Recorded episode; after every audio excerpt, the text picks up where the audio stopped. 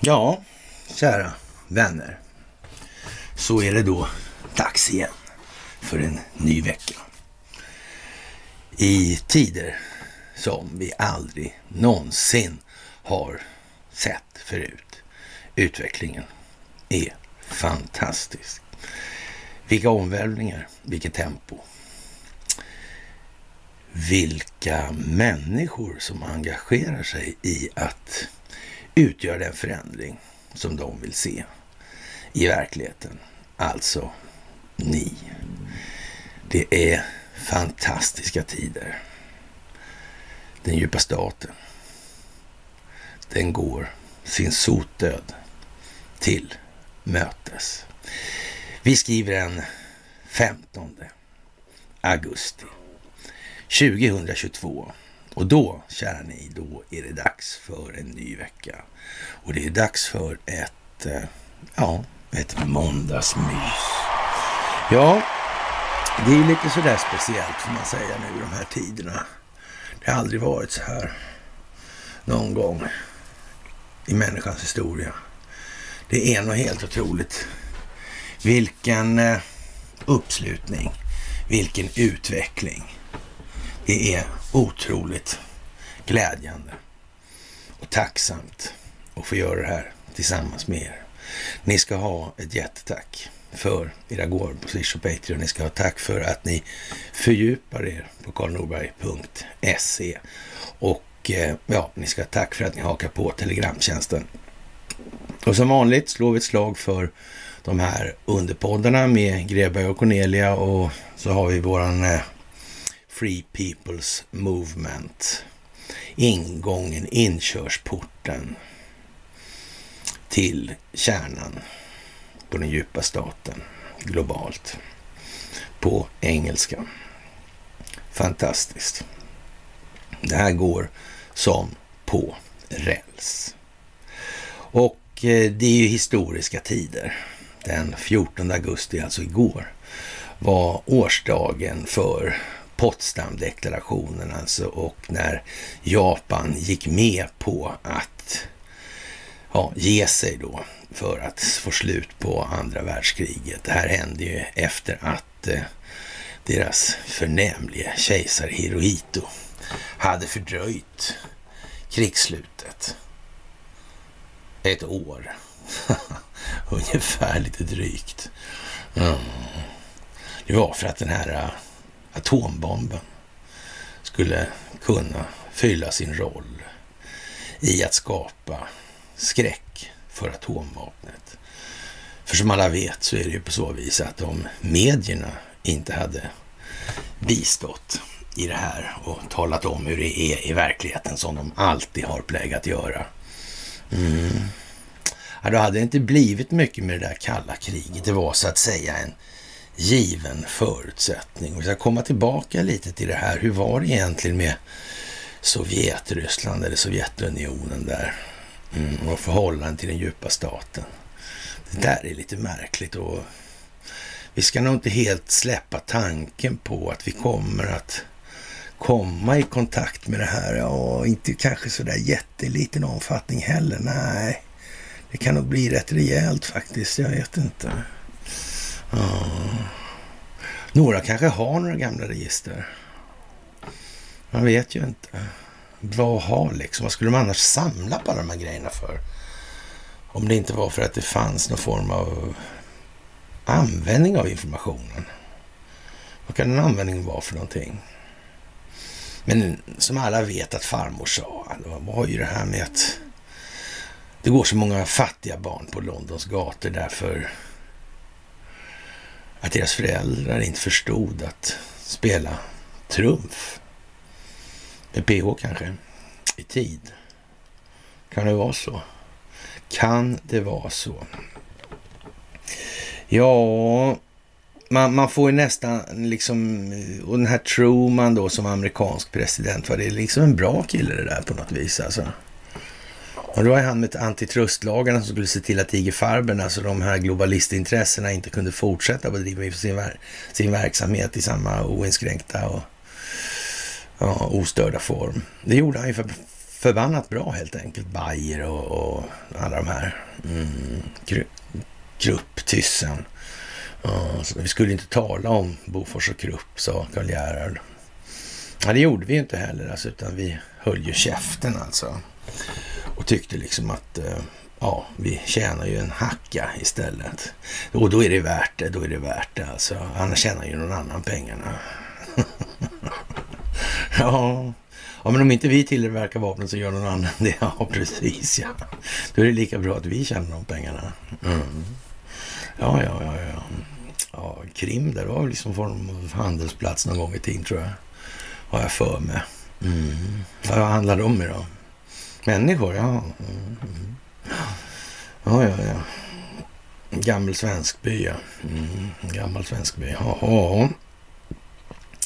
Och jag vet inte egentligen om, om eh, man, man ska säga då, för det är ju egentligen så på eh, dagen då, 15 augusti 45, där händer då. Och lite så här krångligt med de här tidszonerna då. Mm. 15, det är ju idag alltså. Det är ju konstigt. Mm. Och det var ombord på Missouri då, Missouri. I Tokyobukten. Mm.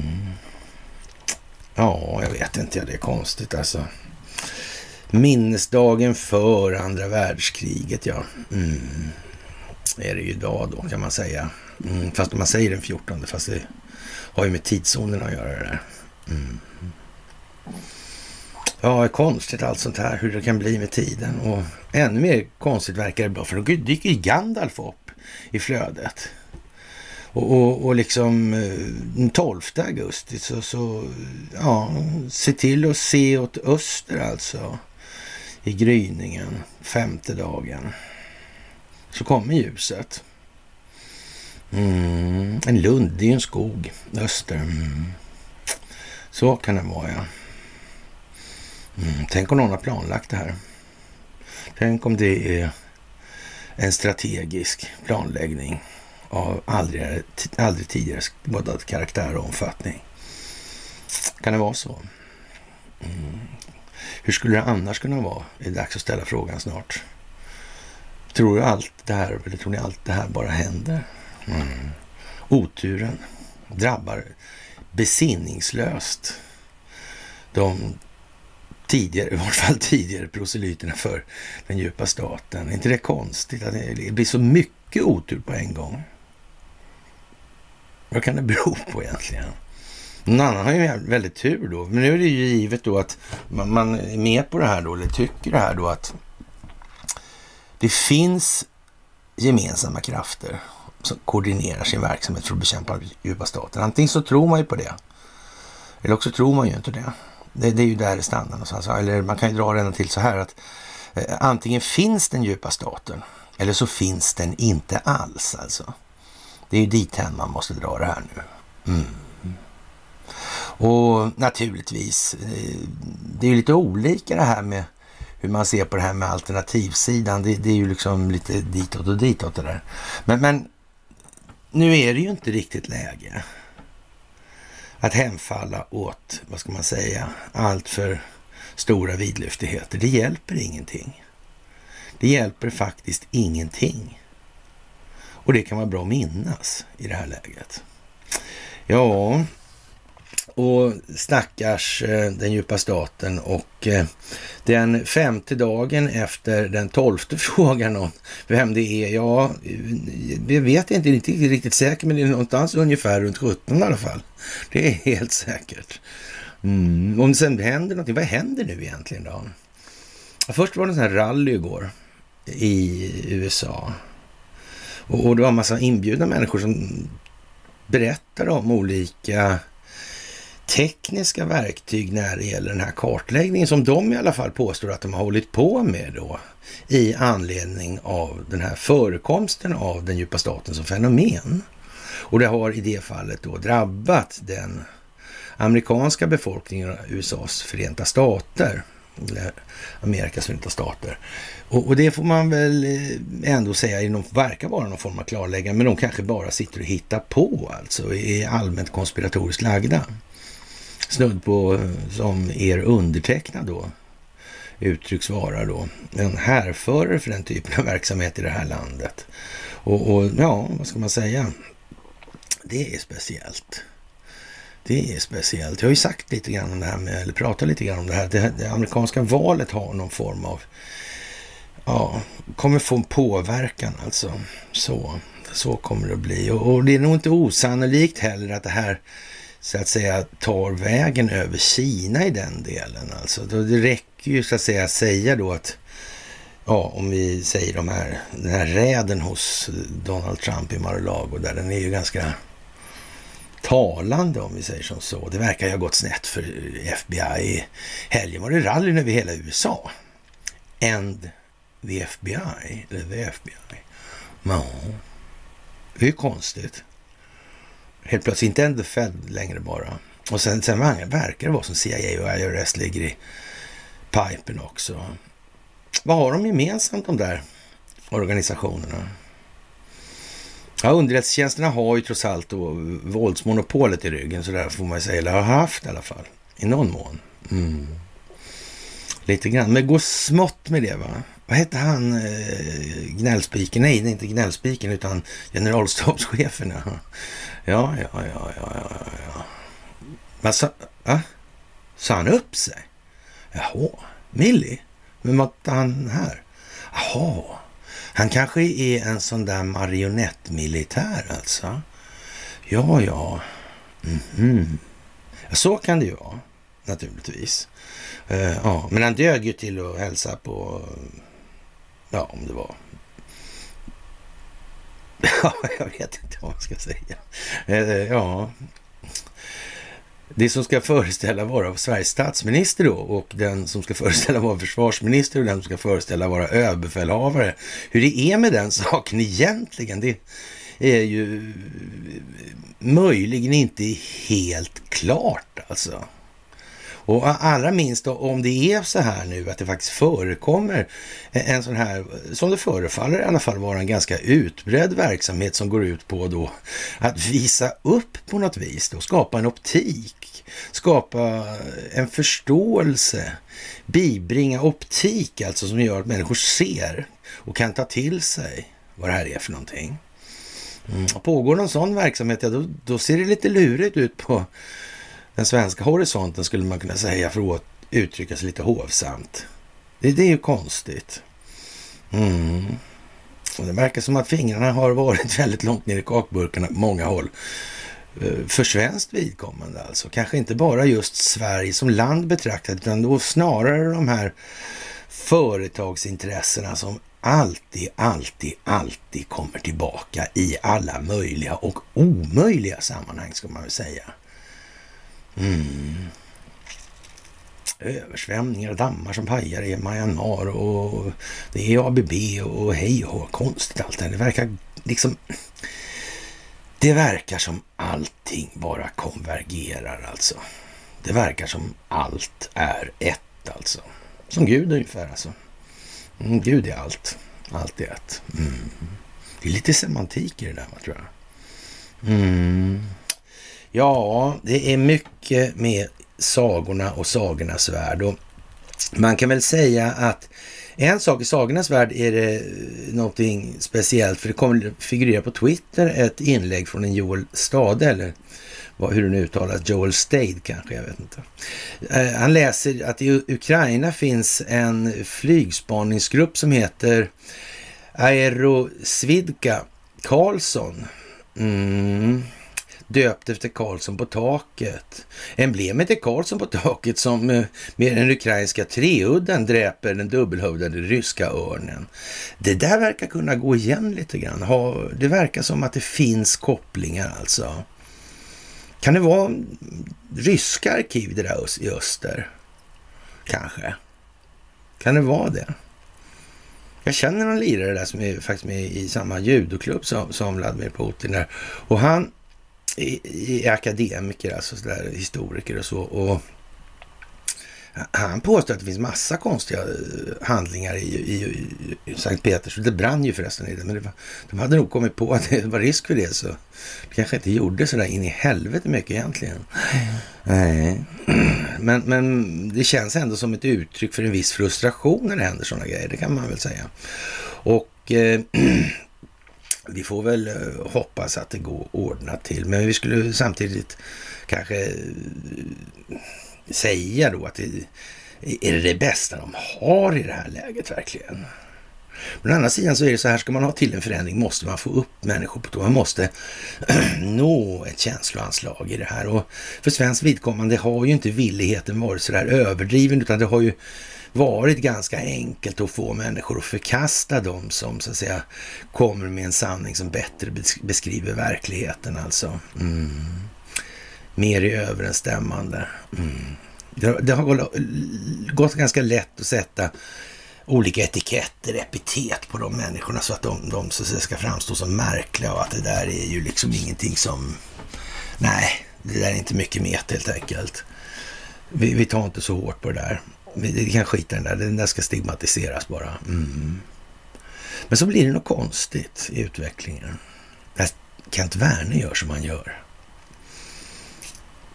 det var en av de... Ja, en rätt tidig grej som pekade på att men, kan han verkligen vara så jävla dum i huvudet liksom? Och vi följde upp det där och snokade och tryckte på och hade oss där. Men det sitter hårt inne. Alltså det verkar som att han verkar inte ha så mycket handlingsfrihet i manövern alltså. Nej.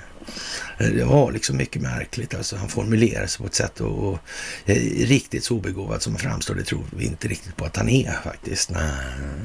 Alltså, är det något annat i så fall? Alltså, vad kan det vara för någonting då? Ah. Kan det vara folkbildning? Kan det vara den här reflexiva kontrollen?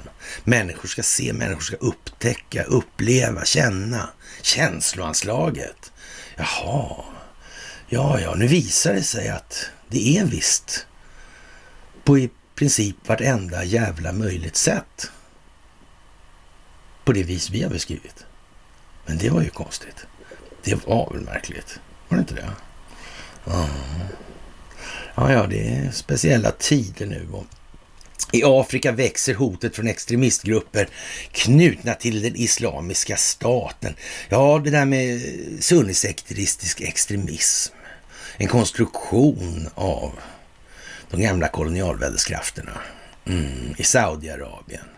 Man etablerade en religiös konflikt mellan shia och sunni som man hade konstruerat rakt av genom att konstruera arabiska upproret där i samband med Sykes-Picot ungefär. Mm, mm. Det som sedermera ledde fram till freden i Lausanne 23. Mm. Och så satte man ett litet lås på Afrika där. Mm.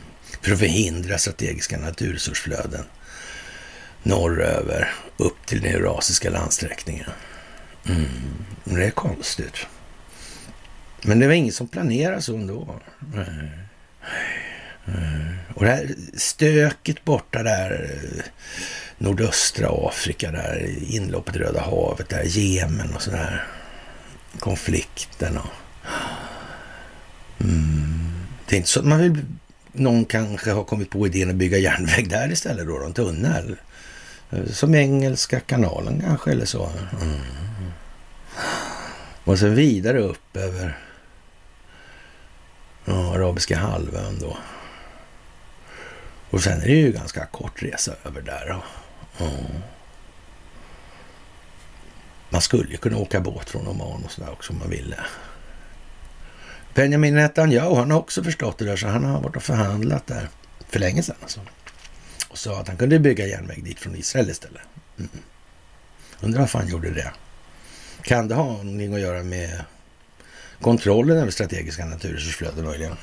Kan det vara en del i det här? Eller? Jag tror det. Jag är helt säker på det. Hur som helst, en utbredd fattigdom, en svag säkerhetsapparat och tillgång till naturresurser bäddar för extremism alltså. De ska man kalla för eh, tre givna förutsättningarna för att det ska finnas ett kolonialväldes exploaterande intresse i sammanhanget. Lustigt nog faktiskt. Man får nästan känslan av att den här extremismen på något vis eh, odlas just för då, ja, att ha det syftet att exploatera. Kan det vara så? Mm. Ja, det kan vara så. Alltså, jag säger inte att det är det naturligtvis, men, men, men, man får lätt intrycket att det finns någon som... Men återigen, det, antingen finns det ju något sådant intresse som koordinerar och har sig globalt, eller också gör det ju inte det.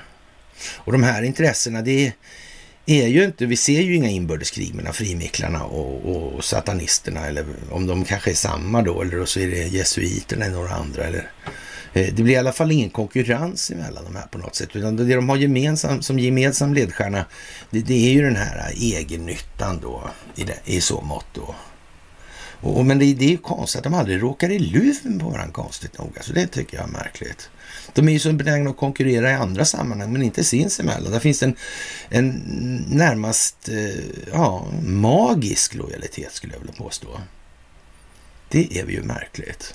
Eller gör det inte det, tror jag? Äter de upp varandra så fort de kan, så ofta de kan? Jag vet inte. Men det kanske är någon av de här, eh, ja, vad man nu ska kalla dem för. De med vidlyftiga idéer om vad det här handlar om. Alltså. Och idag finns det islamiska grupper i ett 20-tal afrikanska länder de har sympatiserar, och de har sympatisörer i minst lika många länder till alltså. Ja, det verkar ju förfärligt. Men, men om man tar bort den här västerländska supporten för det här då? Blir det lika bra då? Jag vet inte. Kan det vara så att man under den här tiden då, medan det här stingoperationsbaserade folkbildningsprojektet har pågått, faktiskt har kommit ihåg de här detaljerna? Kan det vara så att man har hållit på med spatial data och geofencing? På global skala till och med. För att kunna räta ut en väldig massa frågetecken till utropstecken vid en viss given tidpunkt. Vad är det här ljuset? Det börjar någonstans. Ja, det gör det ju. Mm.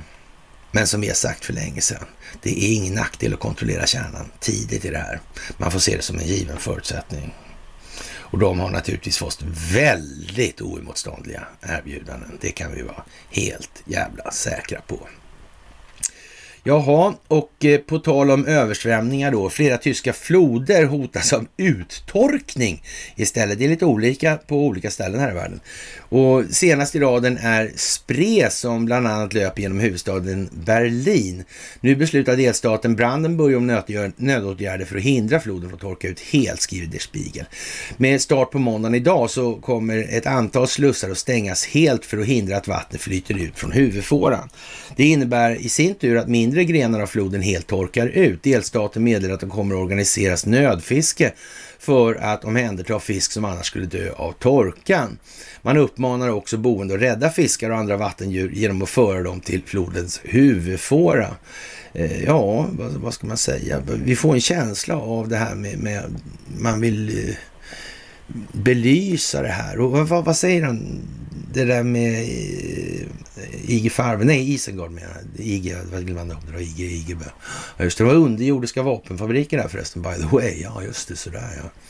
Ja, ja, ja. ja, ja. Och när Enterting har varit där och, och, ja, och så vidare. Mm. Ja. Hur var det? Release the... Ja, ja, ja. kan hon göra det här konstgjort så? Är det det de håller på att lavaja med? Uppe runt Ljungan där. Visar liksom hur de kan göra hela tiden. Höjer och sänker hit och dit och på priser på el där. Priser på energi. Mm. Vet vi ens vad det här handlar om? Vet vi vad varje producerad enhet energi kostar? Mm. Ja, dollarns värde är uppenbarligen manipulerat. Det torde vara ställt utom alla rimliga tvivel. Ja. Den prissätts, prissätts i dollar. Mm. Alltså där har vi ingen bra aning alltså. Helt säkert. Och, så många andra aningar har vi ju inte eftersom den är ju världshandelsvaluta. Så de andra valutorna hamnar i någon form av relativ status i det sammanhanget. Ja, det är svårt att säga vad någonting kostar när priset på det som ska mäta är oerhört högt alltså. Det, det, blir ju sämre och sämre beskrivande förmåga om man säger så. Eftersom allt mer av enheten åtgår till att försörja sin egen existens. Det blir ju olyckligt. Mm. Kanske de vet om det. Den djupa staten alltså. Kanske de hade behövt en pandemi för att skylla på.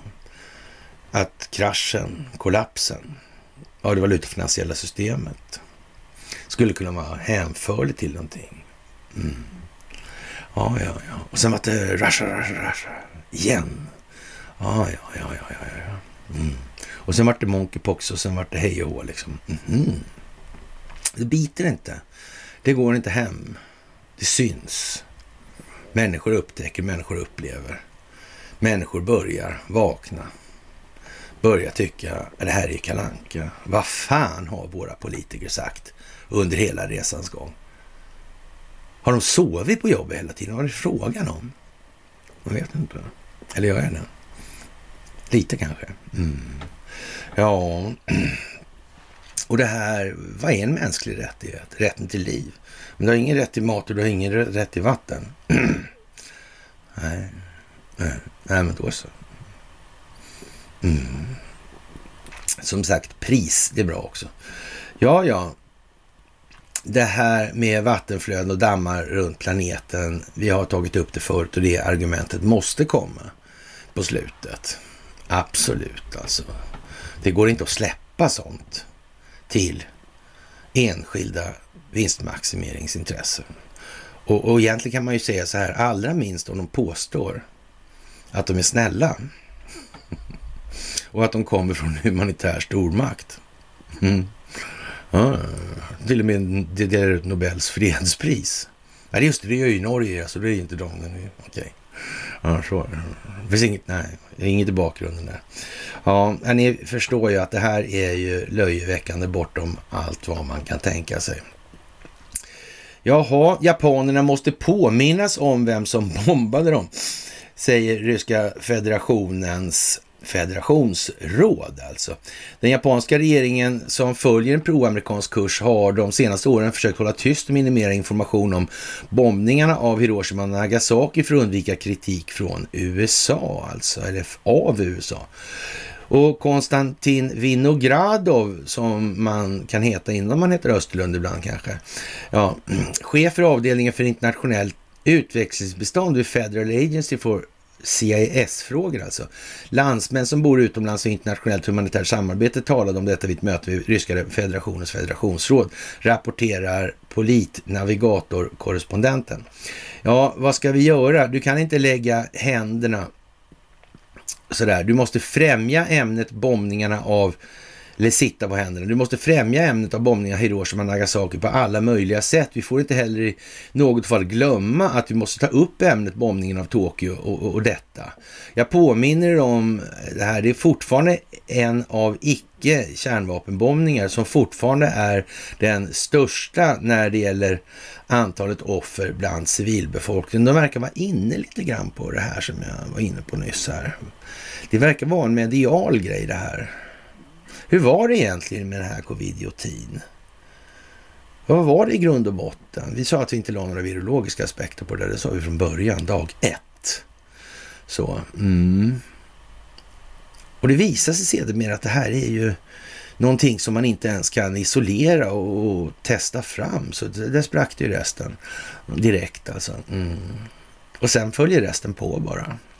Vad man gör med det här viruset, det går ju liksom aldrig att säga vem som tillverkar vad i var eller var. Det är omöjligt att veta.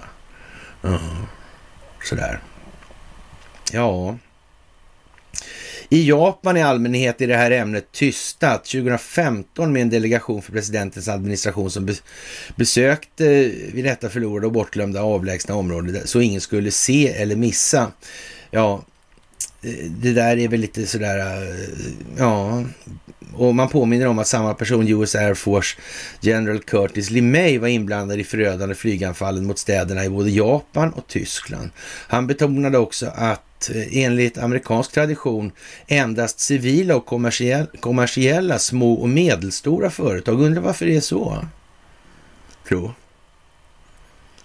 Mm. Hur var det där 1907? Vem var den första västerländska diplomaten där? Eller sändebudet? Mm. Hette inte han Gustav Oskar han förresten? Mm. Han skrev så här gynnsamt avtal med Kina också. Fyllde på de gamla fina opiumavtalen. Mm. Innan han åkte ner och blev turk alltså. Mm. Och sa upp sitt svenska medborgarskap. Jag undrar om det var, hade något med varandra att göra det här ens. Ja, det, det, det var ju tråkigt alltså. Och eh, ja, man bombar sånt som eh, gynnar storföretagen på något vis alltså. Mm. Och får civilbefolkningen att lida. Ja, det var ju konstigt. Och så man har undvek alltså ledande företag både i Tyskland och Japan som var försäkrade i USA. Alltså. Eh, märkligt nog. Ja, det är de värsta bombningarna här. Det är konstigt. Men som sagt, det beror, det här, allt det här beror ju, det är ju en hypotes, alltså ska vi säga. Antingen finns den djupa staten eller så finns den inte. Antingen är ju det liksom lite av en huvudfråga i det här, eller så är det ju inte det. Då finns det alltid, alltid bara bra, speciellt att vara svensk är bra. Då kan man vara stolt, tacksam mm. och stor humanist. Ja, ja, ja, ja, ja, ja. Det är så bra så. Och eh, ja, trots propaganda och hjärntvätt känner folk till det här allt mer i alla fall och, och då måste vi öka den här aktiviteten. Folk börjar förstå att det här är rent jävla marknadsgyckel. Mm. Det är ju en rätt så stor apparat här, som utför, har utfört den här påverkanskampanjen, får man nog säga. Utbildningsväsendet, medierna och så vidare. Mm inte minst underrättelsetjänsternas verksamhet och verkat ledande i den delen. Eller? Inte? Nej, det är frimurarnas handbok för befolkningskontroll som har varit ledande. Fint. Ja, men man får köra nummer på det då. Jaha, och eh, ja, man anser att det är ett viktigt uppdrag nu i alla fall att strypa kriminellas tillgång till vapen och, och vapensmugglingen till Sverige fortsätter inte minst från länderna på västra Balkan och från EU. Det kan också förväntas att illegala vapen smugglas kommer smugglas från Ukraina och, och, det kommer att öka dramatiskt framöver alltså. Och då undrar kanske vän av ordning om det verkligen är så intelligent då att skicka de här vapnen från Sverige till Ukraina så välvilligt då, som direkt hamnar på svarta börsen. Om det nu i bästa fall är så, alltså för de kanske hamnar i Hemske Ivans eh, ägo eller under Hemske Ivans fögderi eller så. Mm. Ivan Förskräcklig eller sådär kanske, eller Vladimir Putin då. Ja. ja, hur är det här egentligen? Det är ju lite udda, är det inte det? Mm. Jag får nog säga att jag tycker det. Alltså. Ja, ja, ja, ja. Regeringen har i alla fall gett Polismyndigheten, Tullverket och Åklagarmyndigheten uppdraget att motverka vapensmugglingen till Sverige. Och, och, Polismyndigheten vet jag inte om jag hyser så stora förhoppningar om. Tullverket och Åklagarmyndigheten hy, hyser jag något eh, större förtroende för i den delen i vart fall. Eller i varje fall. Eh, inte o, indelat alltså så, men, men, något mer än ingenting i alla fall. Polismyndigheten får nog anses vara en rätt så polisi, eller politiserad verksamhet i det här och det är inte så, med det sagt, in, alltså inte sagt att de andra är befriade från den typen av verksamhet, för de naturligtvis inte. Men, men eh, ja, man får ta vad man har som Kajsa Warg sa en gång i tiden, lär ha sagt i alla fall. Ja, och Eh, för att strypa de kriminellas tillgång till vapen krävs ett ännu starkare samarbete mellan myndigheterna och fler gemensamma proaktiva åtgärder inom EU så att vi motverkar smugglingen och införseln av illegala vapen, säger justitie och inrikesminister Morgan Johansson. Och man ska alltså kartlägga det här och, och ordentligt nu alltså, menar man. De har inte kommit på det än tidigare. Och, och i, i och för sig så har man då i städer som Calcutta till exempel då, i, i Norrland, då, då har man ju till exempel det här med geofencing på sparkcyklarna och sådär. Men att man skulle drista sig till att ha det gällande telefoner och så. Det är klart man inte har det. Det skulle ju vara helt integritetskränkande och vi är ju liksom en humanitär stormakt. Visserligen håller vi oss med, eh, ja, inte ohemult, men, men i alla fall väl tilltagna häktningstider och såna här grejer. Och, och, och ibland har det till och med hänt vid något enstaka tillfälle att vi blivit fällda då internationellt. Men som sagt, det går ju inte att sätta eller lägga pålagor på ett land på det sättet. Trots att ett land är ett företag då enligt Security Exchange Committee. Det är inte alls eh, något annat alltså. Det är ett rent företag alltså. Med balansräkning och grejer. Mm. Balans och resultaträkning och så. Mm. Och, och sen delar de ut aktie eller vad, vad, men det är oklart vilket typ av bolag ett land är egentligen. Alltså, och, och, och hur vinstdelning och sånt där går till. Alltså, det där framgår inte riktigt tydligt av de som anför det argumentet i olika sammanhang. Sådär. Men det kan ju spela en mindre roll kanske.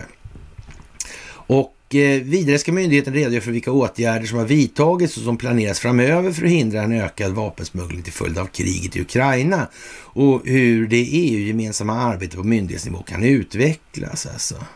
Ja, och det ska senast den 16 december 2022 redovisas. Mm. Och slutredovisas senast 21 juni 23. Mm. Verkar... Ja. Har de verkligen så dåliga resurser? FRA. Att de inte kan pyssla med det här. Ericsson, har de sådana resurser? Jag vet ju inte. Det klarar de inte om. Hade de haft det hade de ju sagt att vi fixar det här liksom. Ja, det är verkligen ybersmart att skicka vapen till Ukraina nu i det här läget och möjligen så får vi nog anse att Eh, det börjar bli lite väl tydligt att man gör det med flit för att människor ska vakna och förstå vad det är som händer. Det kan man säga. Så kan vi i alla fall säga. Jaha, och eh, om vi inte försvarar yttrandefriheten så lever vi i tyranni, sa Salman Rushdie. Och han blev nu huggen i, ja, jag vet inte var han blev huggen faktiskt, men han blev knivhuggen i alla fall ett antal gånger. Fick han tolv, tolv hugg vad han fick. Och Eh, ja, det där är ju som det är naturligtvis helt förkastligt, men, men eh, eh, man, man, man, får väl säga ändå så här att ja, Jan Myrdal ansågs som intellektuellt inskränkt och en av de som stödde den islamiska revolutionen och tyckte det var formellt korrekt att Rushdie skulle straffas. Ja, vad ska vi säga egentligen? Gunnar Alva kan vi säga. Mm. The Negro Problem. Gunnar. Mm. Social ingenjörskost, grönsaksdiet, Alva, kan vi säga. Mm. Men de kompisar med Margaret Sanger, ja just det. Visst fan ja. RFSL där. Mm. Planned Parenthood National. Fosterhandel. Jaha. Men ingen planering. Inte i något enda avseende. Ja. Ja, ja, ja. Gandhi där. Ja, Indien. Mm. Indisk eh, kommunism. Rajiv Palmedutt. nej, säger du det? Jaha, Boforsaffärer. Mutor, roten. Oj. Ja, ja, men det är ju speciellt får vi nog säga. Det är mycket, mycket speciellt faktiskt. Och eh, jag vet inte liksom eh, hur man ska se på den här eh, handlingen just vid den här tiden och det här tillfället i ja, utvecklingen globalt. Vilken effekt får det här?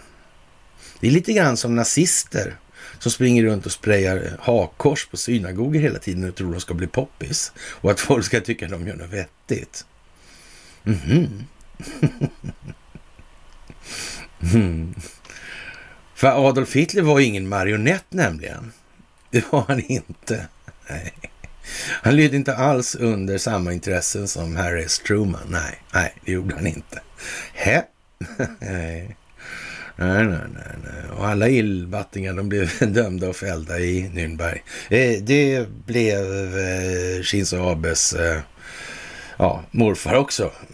Nej, nej, han blev ju inte Han slapp ju allt sånt där. Just det så. Men Shinzo Abe, han blev mördad nyss. Jaha, Ja, vi får väl se om han blev mördad eller inte vad det lider. Det återstår väl att se, men han måste nog i alla fall försvinna. Så kan vi säga i alla fall. Och eh, ja, ja, så att säga, den här eh, satansverserna då var en satirisk fantasi som man själv trodde handlade om den desorientering som invandrare från till exempel Indien och Storbritannien kände och använde som ett verktyg i en politisk maktkamp i ett avlägset land. Jag vet inte, det känns lite bekant, bekant de här grejerna alltså.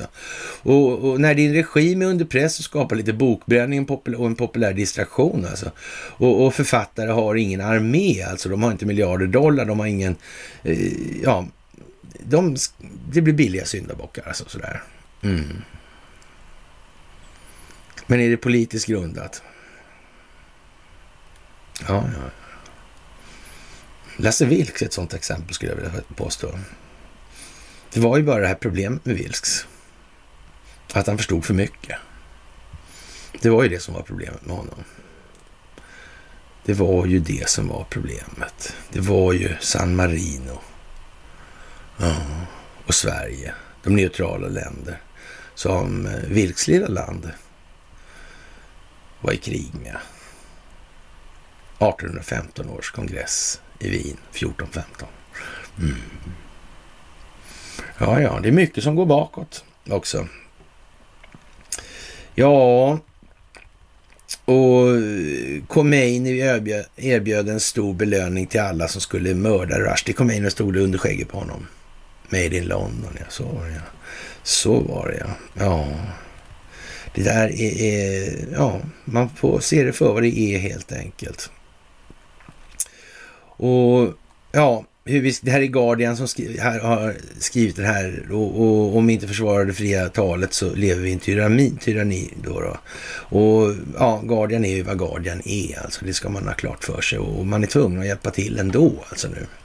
Och Människor måste tänka till, människor måste se, människor måste reagera känslomässigt också. Och sen får man ta, så att säga, den reflexen, alltså känsloreflexen och kontrollera den då. Då måste man ha liksom nästa upplägg på ingång för att, så att säga, styra utvecklingen av den här individens känsloliv i en önskad riktning.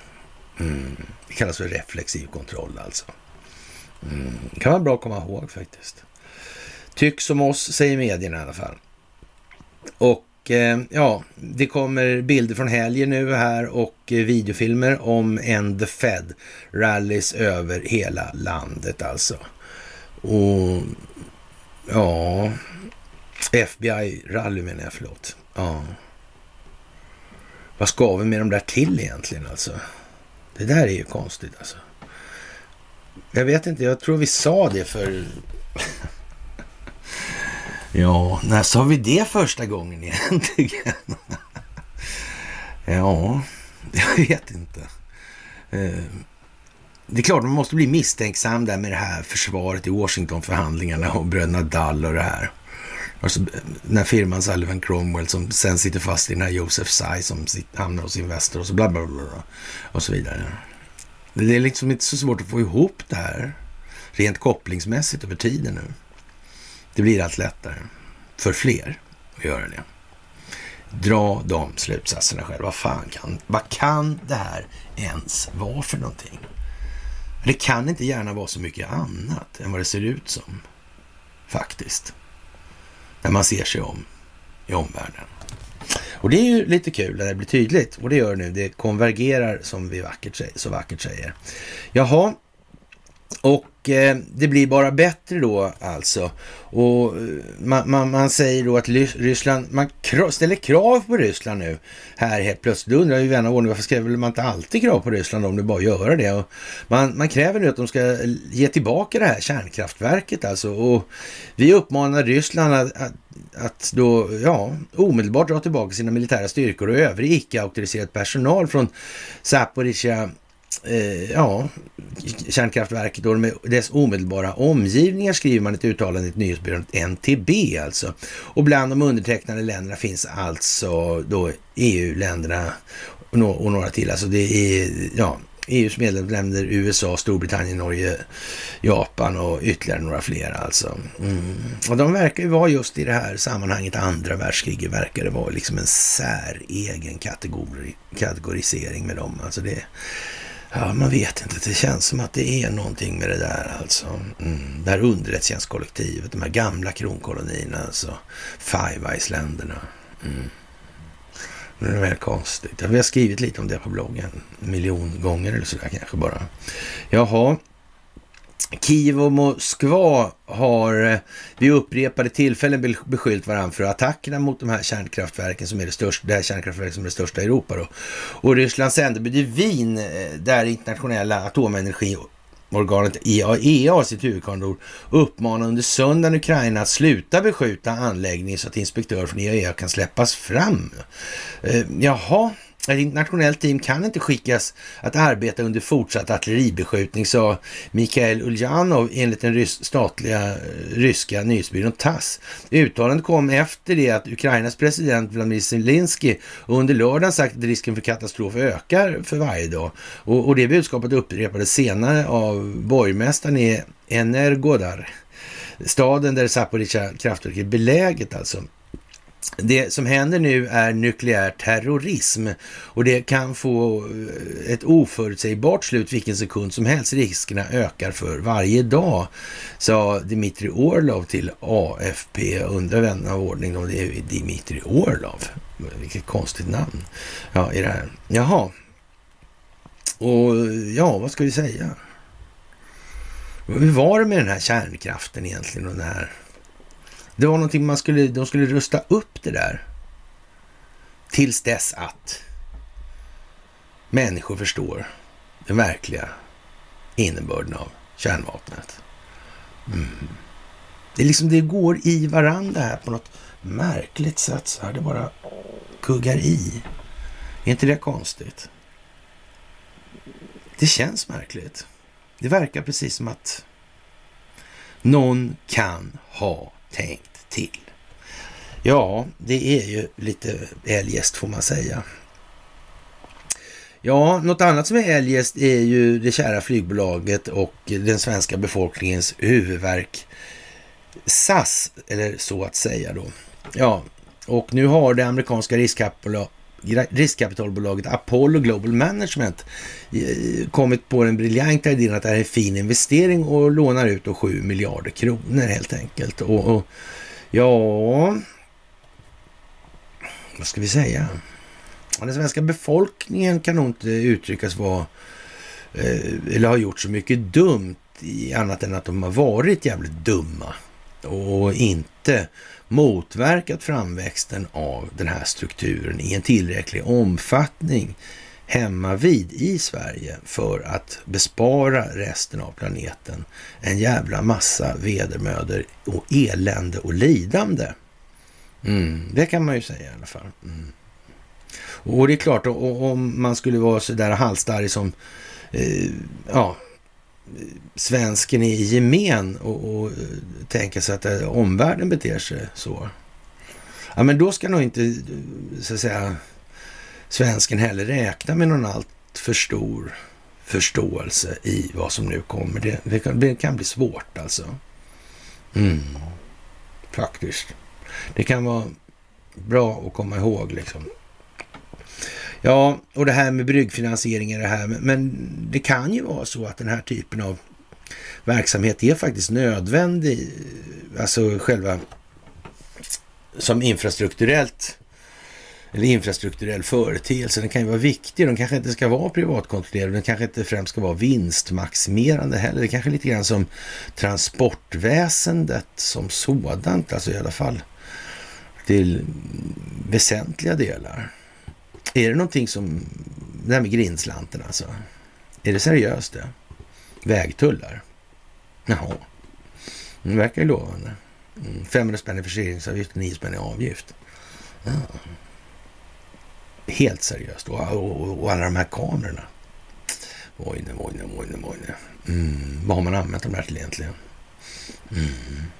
De där i kombination med lite ja, geofencing. Lite specialdatabehandling. ja. Jag vet inte. Blir det bra kontroll av det? Blir dålig kontroll? Sämre? Ja, det får vi se. Får vi se. Som sagt. Och men det här räcker ju ingenstans i alla fall. Och, och ja, SAS fortsätter nu jaga pengar och har tidigare meddelat att man behöver få in 9,5 miljard kronor i eget kapital. Och, och, som sagt, det där med att ja, låna sig ur det där, det är ju liksom lite grann vad det är. Och naturligtvis så är det Vanguard och Blackrock i bakändan på det här. Och hur det där ser ut i grund och botten, det tror jag faktiskt många har räknat ut nu. Ja. Och som sagt, en sån där jämfört med en underrättelsetjänst, ja, det är en tämligen ja, kort historia helt enkelt. Det blir inte så mycket diskussion om vem som bestämmer. Sådär. Ja, och som sagt, en del har stackel på och andra gör bara vad de blir åtsagda helt enkelt och vågar inte annat. Och Jaha, vilket land öppnade ambassaden i Nordkorea i mitten på 70-talet då och för att sedan fungera som skyddsmakt åt USA och andra Five Eyes. Eh, att just Sverige som någon slags kärna för sin synnerligen hemliga och lagstridiga vapenhandel med Nordkorea? Ja, jag vet inte. Nordkorea har i alla fall nu kritiserat på söndagen FNs generalsekreterare och hans senaste kommentar om hans stöd för Nords fullständiga kärnvapenavrustning och kallat uttalandena bristande opartiskhet och rättvisa alltså. Och det får man väl förstå att FN som är skapat för att vara vad det är. Mm. måste reformeras. Och precis som vi har sagt när det gäller de här överstatliga organisationerna så är det ju helt givet vem som ligger bakom etableringen. Ja, men det var inte så att de gick loss från Washingtonförhandlingarna som storägare i IG, IG Farben. Det, det, skedde inte utan utpressning, det kan man konstatera helt säkert. Och de här organisationerna, överstatliga organisationer som bildades sen. Jaha. Men de var till för att motverka. Det var inte så att de grep problemformuleringen initiativet. Mm. Det var det inte. Och sen har det här varit korrumperat allt sedan dess. Så var det inte alls. Nej, hur var det då? Mm. Det bara krylla av svenskar och norrmän i FN. Mm. Några kanske till och med försökte göra något vettigt här i världen, men det gick ju inte så bra då. Nej, det gjorde inte det. Ja, och eh, det, det, är ju lite sådär eh, speciellt alltså. Nordkorea har alltså provskjutit ett rekordstort antal missiler i år och tjänstemän i Seoul och Washington säger att de verkar förbereda sig på att testa ett kärnvapen första gången sedan 2017 mitt i avstannande förhandlingar om kärnvapenavveckling. Ja, vem vet alltså i det här? Men som sagt, eh, den svenska befolkningen måste nog upp på tå. Verkar svårt att komma undan. De verkar inte vilja ta det här i termer av intellektuella resonemang. De håller gärna i sina föreställningar, hur skeva de än är. Mm. Så verkar det faktiskt vara. Det drar ihop sig helt enkelt. Och eh, det här med räden i Donald Trumps fastighet, Mar-a-Lago där. Mm, det var ju det här med spioneri också. Och så kommer man tillbaka till det här med Hillary Clinton och det här med servrarna. Det här med Trey Gowdy. Mm, Benghazi-gate. Vi har tjatat om det där en oräknelig antal, eller ett oräkneligt antal gånger också. Och det är inte bara för att vi sitter och gissar på det viset. Det är inte så alltså. Det må ju vara att man tycker att vi gissar, men eh, ja, det finns ju resonemang bakom vad vi uttrycker hela tiden. Och de resonemangen är så långa och tråkiga och så, så då skulle ni tröttna på en gång alltså. Jag är långrandig och tråkig ändå, utan att behöva förstärka det ytterligare då, om vi säger. Ja, det där är ju lite som det är. Och eh, löjligt är det i alla fall. Och man, man säger nu i alla fall att eh, ja, det här är det värsta maktmissbruket sen man försökte då att förstöra Martin Luther King alltså. Och ja, vad ska vi säga? Och det här med J. Edgar Hoover då och, och han smutskastade Martin Luther King med avlyssningar och utpressning på 60-talet. Mm. Hur var det egentligen med Hoover då? Mm. Han hade register på alla. Mm. Men det å andra sidan kan man ju inte så att säga klandra honom för heller. Han visste väl vad fan han höll på med, vilka han bråkade med. För det var inte så att han och Allen Dall var sådär jävla kontanta hela tiden. Han var ju CIA-chef då samtidigt också. Mm. Mm. Och hur, vem som är utmålad som vad, vad i historieböckerna, det är också ganska givet. Och om det i princip alltid är 180 grader fel så ja, det kanske... Ja, det kan ju ske till och med så med Stalin. Sådär alltså. Jag vet inte. Vi kommer tillbaka till det i alla fall då. Och eh, ja, vi eh, kan väl... Eh, vi, vi, noterar det här med, med Michelle Obama där och, och, konstaterar att det där är ju faktiskt liksom, det spelar ju ingen stor roll alltså. Visst, det, det, är en flagrant fräckhet att lura den amerikanska befolkningen på det sättet, eller världens befolkning kanske man ska till och med drista sig till att säga då. Men, men det är fortfarande egentligen inte, ja, vad, vad förändrar det då? Om jorden är rund eller platt, vad förändrar det för någonting i det vi faktiskt kan påverka? Ja, det gör ju inte det. Ja, men det visar att de ljuger. Ja, men... Mm. Och sen då? Då säger de så okej, okay, vi ljuger, säger de då. Och det här har vi ljugit om, det här har vi det här. Det kommer de bara säga då alltså. Eh, avslöja det. Eller ska vi hoppa på dem allihopa på en gång och brotta ner dem och säga, ja min man, ja, jorden är platt. Ja. Okej, säger de då. Men vad ska vi göra? Kom igen nu här. Det, det är liksom... Ja, det är speciellt helt enkelt. Mycket, mycket, mycket speciellt just nu. Och en fantastisk tid. Jag tycker det är så jävla trevligt det här nu. Det går så jävla bra faktiskt. Ja, och eh, det här med eh, den här eh, liran Paludan då som åker runt och bränner koraner hit och dit. Jaha.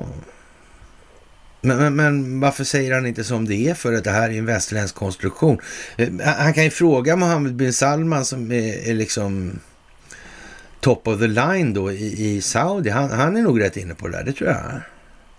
Han verkar samarbeta med Vladimir Putin. Han verkar eh, på något vis vara polare med Xi Jinping. Han verkar vara polare med Donald Trump och, och ja. Jag vet inte. Och han verkar närma sig Recep Tayyip Erdogan. Det är ju helt omöjligt alltså. Hur fan kan det bli så? Ja, det är ju naturligtvis ren jävla slump alltså. Mm. Men, men om de här är eniga om, för Recep Tayyip Erdogan han är ju också enig om det här med djupa staten och de här grejerna och olika konstruktioner. Han är inne på att det, den djupa staten kom inte med kemalisterna alltså. Och här, där borta vid freden i Lausanne och de här grejerna. Nej, det gjorde det inte. Det har alltid funnits där inne under Osmanska riket också. Mm, det vet han alltså. Mm. Vladimir Putin känner inte till någonting om rysk-japanska kriget och, och, den här äh, finansministern där i Japan, Takahashi, och hans finansiering då från amerikanska banker, inte minst från Jakob Schiff. Mm. Han, men det här, det känner inte Vladimir Putin till det här med eh, det koloniala arvet. Och han känner inte till att det var Henry Ford som byggde upp Sovjetunionens industri. Det vet han inte heller. Han visste inte, vet ingenting om telefoner och... Nej, nej. Han har visserligen lite Ericsson i mer än någonsin noga räknat. Ja, sådär. Verkligen. Jaha, och det är väl som det är alltså. Ja, det är många som, som, tycker massa saker i olika sammanhang och, och nu börjar det liksom bli eh, ja, väl uppenbart för att bara sitta och tycka saker så här. Och nu har det gått så långt att Devin Nunes och Cash Patel har besökt då Maria Bartiromo igår på Fox då. Och, och ja, och de säger så här, alltså det började inte med Russiagate, utan det började långt tidigare med Benghazi, Louis Lerner och IRS och så vidare alltså. Och det här med, med Louis Lerner där, mm. skattemyndigheten, politiserad. Ja, ja, ja, ja, ja, ja. Det är ju udda.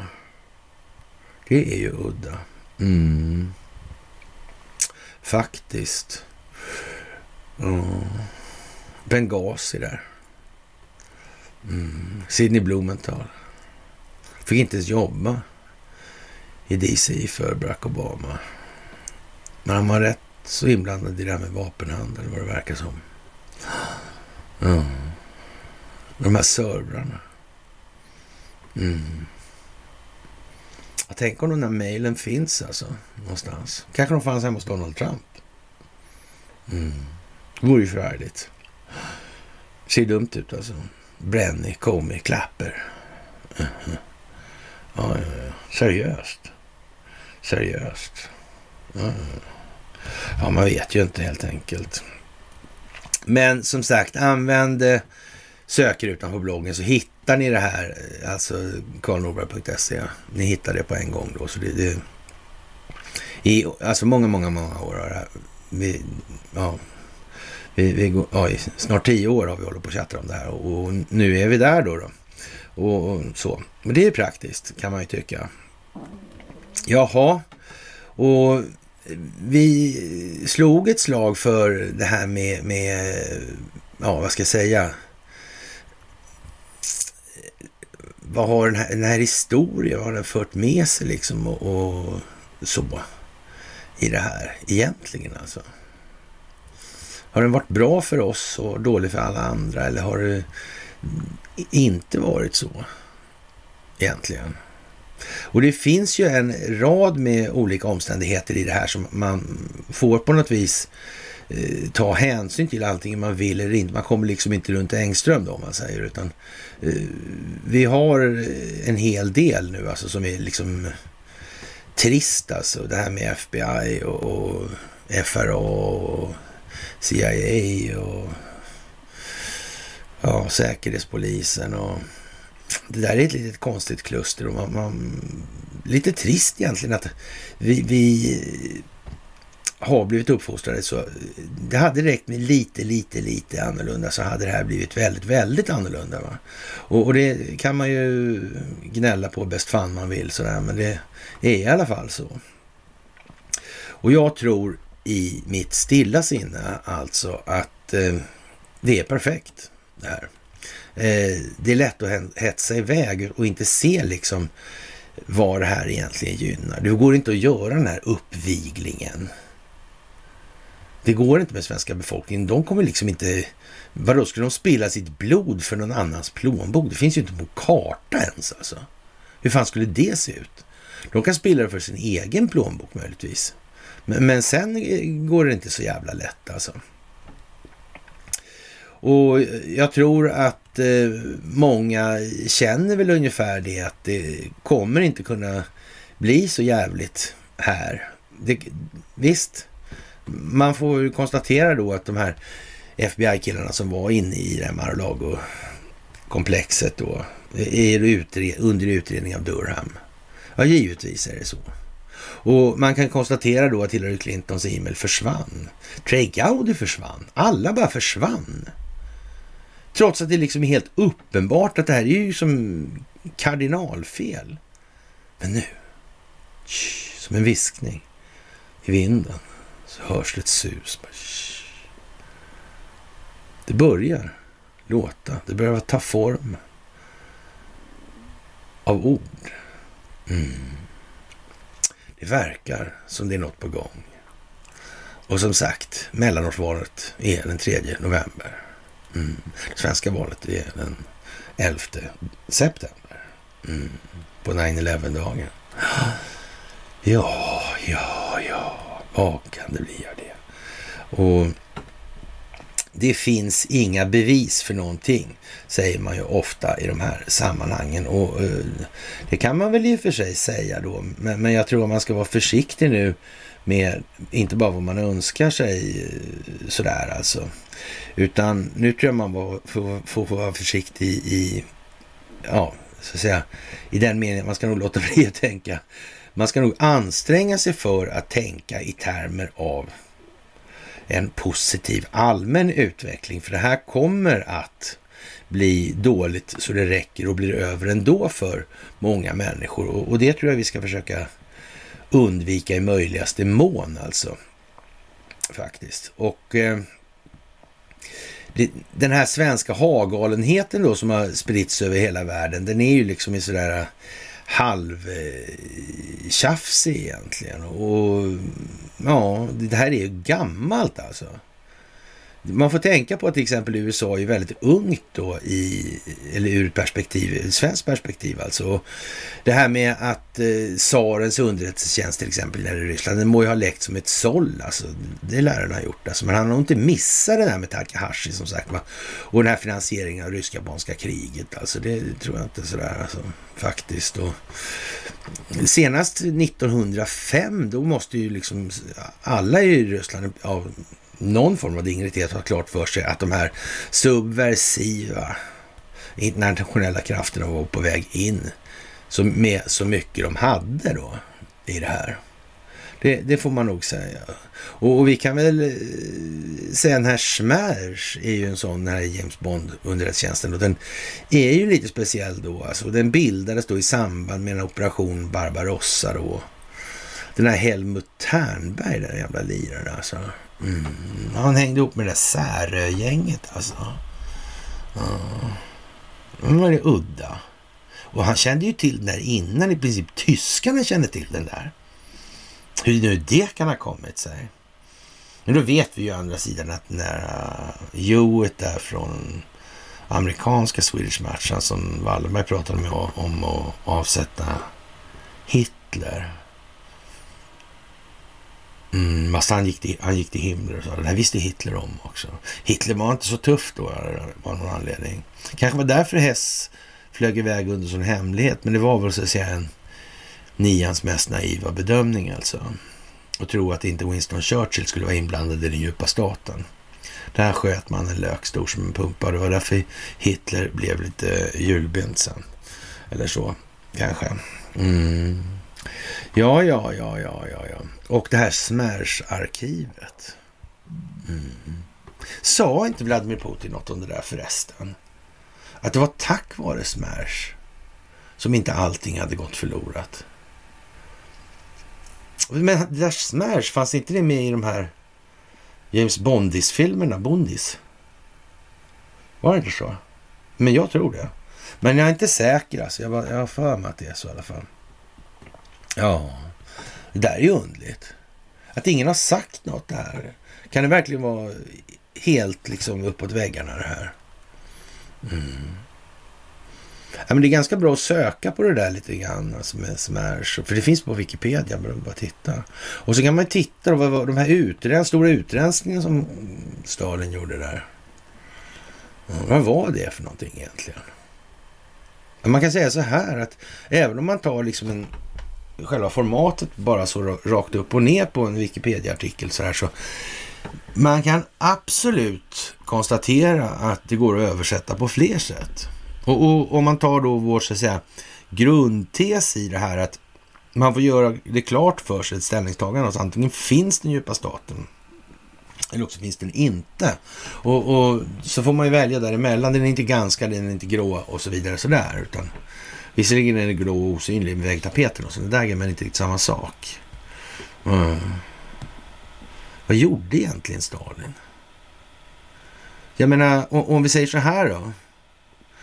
Om det var högförräderi det handlade om, det vill säga brott mot den sovjetiska staten, så får man ju ändå förstå att i den straffskalan om man ju hade en idé om den här politiska ideologin, må, den, sen må den vara vad den var. Va? Men om man nu har en idé om att det här är liksom rätt så rimligt och så vidare. Mm. Och sen dyker det upp någon som begår alltså flagranta övergrepp och brott mot den här konstitutionella ordningen. Mm.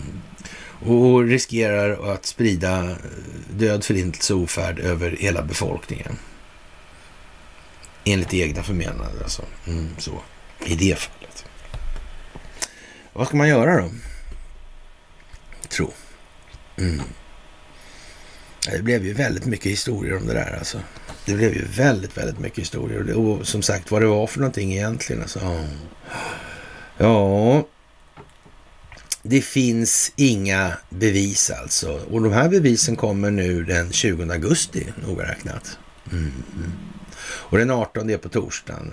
Den 19 är på fredag. Och den 20 det blir lördag hela veckan, lördag hela veckan, lördag hela veckan lång. Mm. Ja, ja, det kan ju bli lite intressant alltså. Får man nog säga. Och eh, ja, det här med att eh, Kanada är en demokrati. Men vänta här nu. Men det är inte den brittiska drottningen som är där, eller nej? Ja, man vet ju inte. Det, är det här Global News är ju en sån tillställning som kanske inte är... Ja, men det är bra exempel då. då på så vis. I så mått då. Det är det faktiskt. Och nu har vi då slut på de här primärvalen här precis. Eller ja, i alla fall på, på väg in på upploppet. Där. Och Liz Cheney som är då i Wyoming då är på väg in i det här nu och Eh, mot en Trump-stödd motståndare som till synes oförskräckt, även om oddsen alltmer tippat till hennes, hennes rivals fördel alltså. Och ja, och att Liz Cheney har gjort en förmögenhet alltså på att vara politiker. Det är ju speciellt alltså. Och förr var det inte riktigt på det viset alltså. Det var ju på eh, Dojans tid alltså, Ingvar Carlsson där, så, så ja, han åkte ju bussen och nu gjorde de en gimmick av det där. Men Lasse Werner tog också bussen, de var från Tyresöhållet båda två va. Mm. Ja, det var lite annorlunda det där alltså. Mm. Men hur mycket livvakter det var i bussen, det talar man naturligtvis aldrig om alltså. Jaha, och makaronen undertecknar protokoll om Finlands alltså och Sveriges anslutning till NATO alltså. Och det finns en grundläggande paradox inom NATO mellan rättigheter och skyldigheter som ofta misstolkas. Alltså ur NATOs perspektiv är prioriteringen att ett lands anslutning till alliansen Eh, alltså är inte rätten för det landet har alliansens skydd alltså. Utan tvärtom, det avgörande imperativet är det ansvar som NATO tar på sig att gå i krig när en av de här medlemmarna, medlemsländerna attackeras alltså. Mm, enligt, ja, är det paragraf 4 eller 5 det där? Ja, vilket det nog är. Och makaronen har då undertecknat det här och, och, och tror då på allvar att eh, Sverige ställer upp alltså. Mm. Om någon slår på Frankrike då stöttar, då ställer den svenska hären mannar upp där, alla 32 liksom. Mm. Kommer där i nya glänsiga löpkläder ut från högkvarteret. Mm. För att uppfylla krigets krav alltså. Ja. Men då kan man säga att eh, då de kanske kan ta lite pride-dans på vägen. Mm. Jag vet inte. Mm, ja, man får nog bestämma sig här. Jag tror jag har sagt det någon gång att det, det här tillfället är stort alltså. Och vi snackar ju om en dimensionshöjning då. Eller nej, men sådär alltså. Men det är faktiskt så. Fast inte så. Det är så här att människan måste ta ett steg från att vara filosofiskt materialistiskt orienterad till att bli intellektuellt emotionellt orienterad. Det är det steget. Och det kan man ju kalla för en... Alltså att eh, det kan man kalla för en eh, frekvenshöjning om man vill alltså. Men samtidigt är det en frekvenssänkning. Så man tänker bättre när man är lugn, när man blir stressad eller i affekt. Så är det också. Och, och varför man inte har lyckats räkna ut det på det här, eh, i, ja, på de här dimensionsnivåerna och frekvensnivåerna, det är rätt svårt att förstå alltså. Alltså man kan ju inte med bästa vilja i världen säga att stress har en lägre frekvens än vad lugn har. Det tror inte jag på. Eller jag vet, ja, jag vet inte, men ja. Ja, ja, ja, ja, ja. Jaha, och det är ju naturligtvis speciellt som fan då i det här läget. Och det kommer att bli väldigt bra. Och, och den svenska försvarsmakten har ju nu brist på allt möjligt. Inte bara flygplanspiloter, flygplan och allt annat. Utan nu börjar det bli svårt med det mesta helt enkelt, verkar det som. Mm. Vi får väl se vad det blir av det. Och ja, det, jag följer det med ett oerhört stort intresse ska jag säga. Jag tycker det är en oerhört viktig fråga alltså. Och, och min syn på det där är ju lite annorlunda än vad så att säga de försvarsanställda i gemen är. Vilket då jag inte ser som mitt stora problem, utan snarare ser som Försvarsmaktens stora problem. Om jag uttrycker mig som så. Och ja, man tycker från USAs sida nu, eller i alla fall Rand Pauls sida, att justitiedepartementet ska upphöra med de här idéerna om åtal mot Assange. Och, och det, det, är väl inte så säkert, man behöver väl inte göra så heller, men det är väl bara att åtala honom och ta in honom på det, och hålla rättegången så har, får båda sidor säga sitt alltså. Och de som önskar den här rättegången, de sitter i den positionen att de kommer med tiden att tycka att eh, vi skulle ha varit lite mer försiktiga med vad vi önskar oss. För det är ju som sagt så att eh, det kan ju komma fram saker som man inte helst ser kommer fram. Mm. Man kanske har så att säga svalt betet lite för mycket. Och ja, det här har med det amerikanska första tillägget i det här och den här spionagelagen då, den antogs i juni 1917 under Woodrow Wilson alltså. Och Wilson han var ju den här riktiga stjärnan alltså som faktiskt godkände, godkände då Federal Reserve Act 13 där. Mm. Det var väl ändå konstigt gjort. Var det bra gjort? Han var, men han var inte mot USA och för den djupa staten. Det var han inte, nej. Hä? Nej, men då vet ju vi det då sådär. Och, och den här lagen förbjöd vidarebefordran och kopiering av information om förvar i avsikt att orsaka skada på USA eller för att gynna andra främmande nationer. Och frågan blir ju då det här med vad har egentligen Joe Biden eller familjen Biden hållit på med ur det perspektivet? Egentligen ens. Mm. Ja, vad Hillary Clinton har gjort som har haft en separat server och sånt där för sånt här. Det, ja, det är ju som det är då liksom. Och det här med Uranium One och det här. Och, och ja, Benghazi och så vidare. Mm. Och så Sidney Blumenthal då i vanlig ordning. Ja,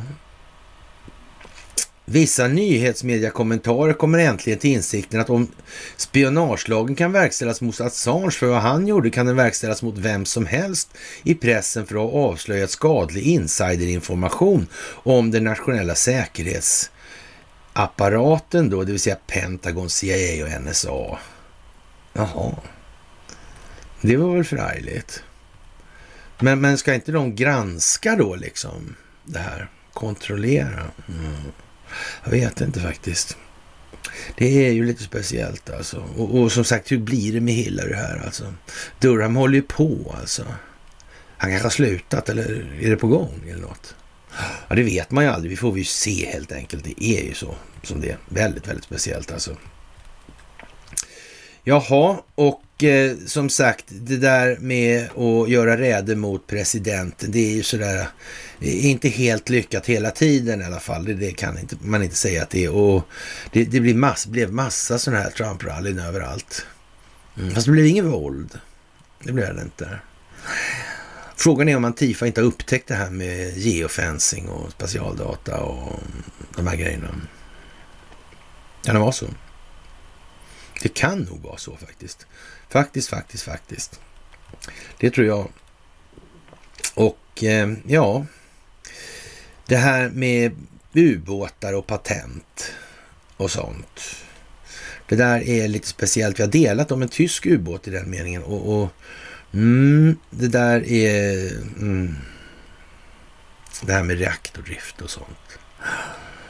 Och den här lilla ubåten där som var bara 40 meter lång som fanns på 60-talet som kunde gå hur djupt som helst. Alltså.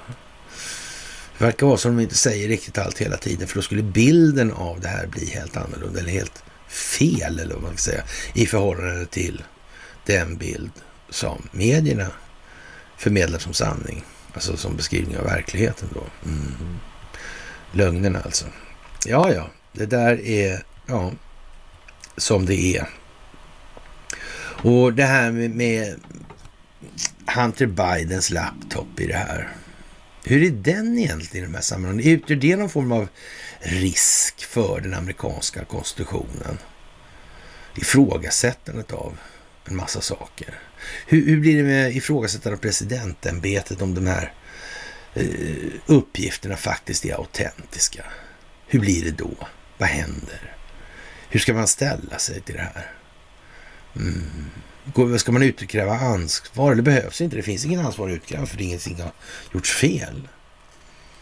Nej. Jag vet inte. Men ändå alltså. Och man får väl, eh, ja, kanske eh, säga att eh, nu går eh, Trump-sidan, eller vad man ska kalla det för, eh, ja, nu kommer de eh, dra på. Nu kommer det bli en mättning av informationsflödena. Eller förmågan att motverka information kommer mättas sönder. Nu faller trovärdigheten big time närmsta veckorna. Och den här veckan inte minst, som sagt. Det är spännande tider, precis som vi inledde det här med. Det är till och med lite Gandalf och femte dagen och så. Sen kan man dra alla sagoassociationer man vill ut i det här då. då. Mm, det är lite trevligt måste man nog säga. Och eh, som sagt, eh, de här FBI-agenterna som har varit med i den här räden mot Mar-a-Lago då, de är alltså under ja, brottsutredning alltså från Durham för maktmissbruk alltså i det här. Mm. Men å andra sidan får man vända på det och säga så här, de har nog inget val eller? De har nog så att säga, för länge sedan hamnat på den sidan med ett staket så det går inte att komma tillbaka. Eller bara glöm det helt enkelt. Jaha. Och eh, ja, personalfrågorna som hotar försvarets tillväxt alltså. Som vi var inne på nyss här då så, så kan man väl säga så här att eh, ja, Sveriges försvar ska växa men hur en organisation som är van vid att dra ner ska ställa eh, då om till att växla upp alltså. Och eh, man ser alltså en myndighet som har svårt att sätta personalen i fokus och upplever en växande frustration och uppgivenhet på förbanden. Och man kan väl säga så här, en organisation som kategoriskt har motarbetat det naturliga ledarskapet i, låt säga kanske 200 år eller sådär, eller vad det kan röra sig om alltså. Ja, det är klart att man får vissa ledningsproblem. Det finns ju liksom inte som Eh, idealismen eller vad vi ska kalla det för då. Det, alltså, eh, den moraliska idealismen, alltså eller filosofiska idealismen. Den är ju liksom, eh, sitter ju lätt, rätt långt bak i tåget eller det står rätt långt bak i leden i vart fall. Om den ens finns kvar någon. Så. Utan det är ju så att säga ja, det är materialism som gäller det Alltså det är egennytta. Och, och då blir det ju så. Det, det, finns inget utrymme för idealism i det där. Och allt mindre med tiden och därför har vi helt enkelt det som ska vara ja, icke-politiserade institutioner. Nu ränner de runt i pridetågen och hej och hå liksom. Mm. RFSL och Gunnar och Alva och Margaret Sanger och Fosterhandel och tralla, alla, alla, alla liksom. Det är bara så. Och det är helt jävla osnyggt alltså. Och därför säger man ju från försvaret så här att det finns en stor lojalitet bland medlemmarna och en glädje över att försvaret äntligen växer efter år av neddragningar. Ja, man har ju alltid upplevt att man torskar hela tiden.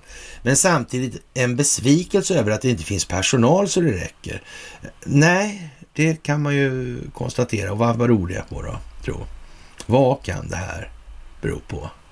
Möjligen alltså. Eh, ja, man, man, man, självkritik verkar som sagt inte vara det de har tränat mest på helt enkelt. Ja, det finns en känsla av eh, kollektiv utbrändhet däremot. Och för att man går så tungt alltså. Det kan man göra under kortare tid, men när man ser att det inte kommer något tillskott, när det inte vidtas några konkreta åtgärder, då, då går det inte i längden. Och vad sa egentligen Kreml om det här med Sverige i, i förhållande till Ukraina? Skulle inte Sverige bli ett Gångsland alltså? Mm, i det. Och vad sa man om Ukraina när man gav sig in där? Ja, man skulle avnazifiera och demilitarisera det. Jaha, ja, ja, ja, ja. Men om Sverige ska vara ett föregångsland så då vill det väl till då då. Men eh, då kan de inte hålla på så länge för då behöver inte de gå efter. Då går de ju före Ukraina. Mm. Så hur långt bort kan Sverige egentligen ligga i det här? Ja, vad sa vi ljuset från öster om fem dagar? Vi får se hur det blir med den saken. Men eh, det kommer ju att hända grejer. Det är bara så. Det här kan de inte hålla på hur länge som helst. Det är helt omöjligt. Och det här sitter som sagt ihop alltså.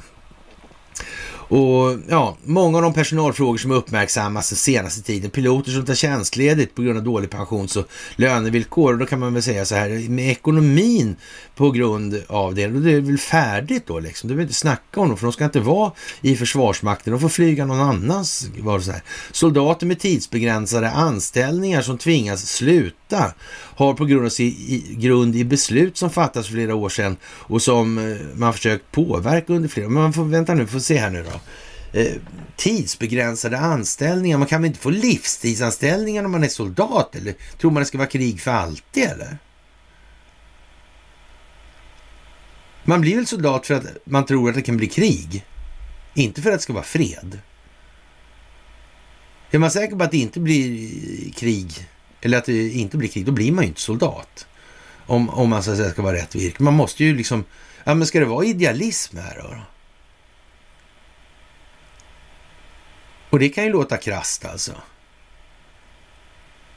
Men, men, men eh, och, och, så att säga, vill man ha fred så rusta för krig. Tillverkar inte vi vapen så gör någon annan det. Ja, jag menar det. Jag menar det. Det är inte bättre att öva på dialogen kanske. Ha en bättre själslig utveckling. En mer verklig verklighetsanpassad karta, preferenskarta och känslogrundande värdering. Det, det, är inget bättre med det eller? Nej. Utan alla ska vara små giriga egocentrerade roffare. Och sen går man in i förhandlingarna.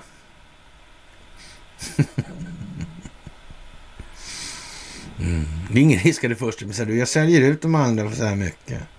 Aha, aha.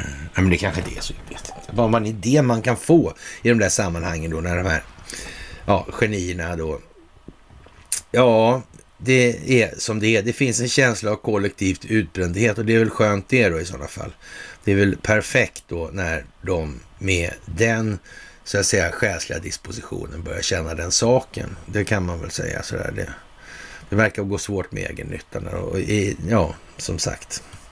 Det är som det är numera.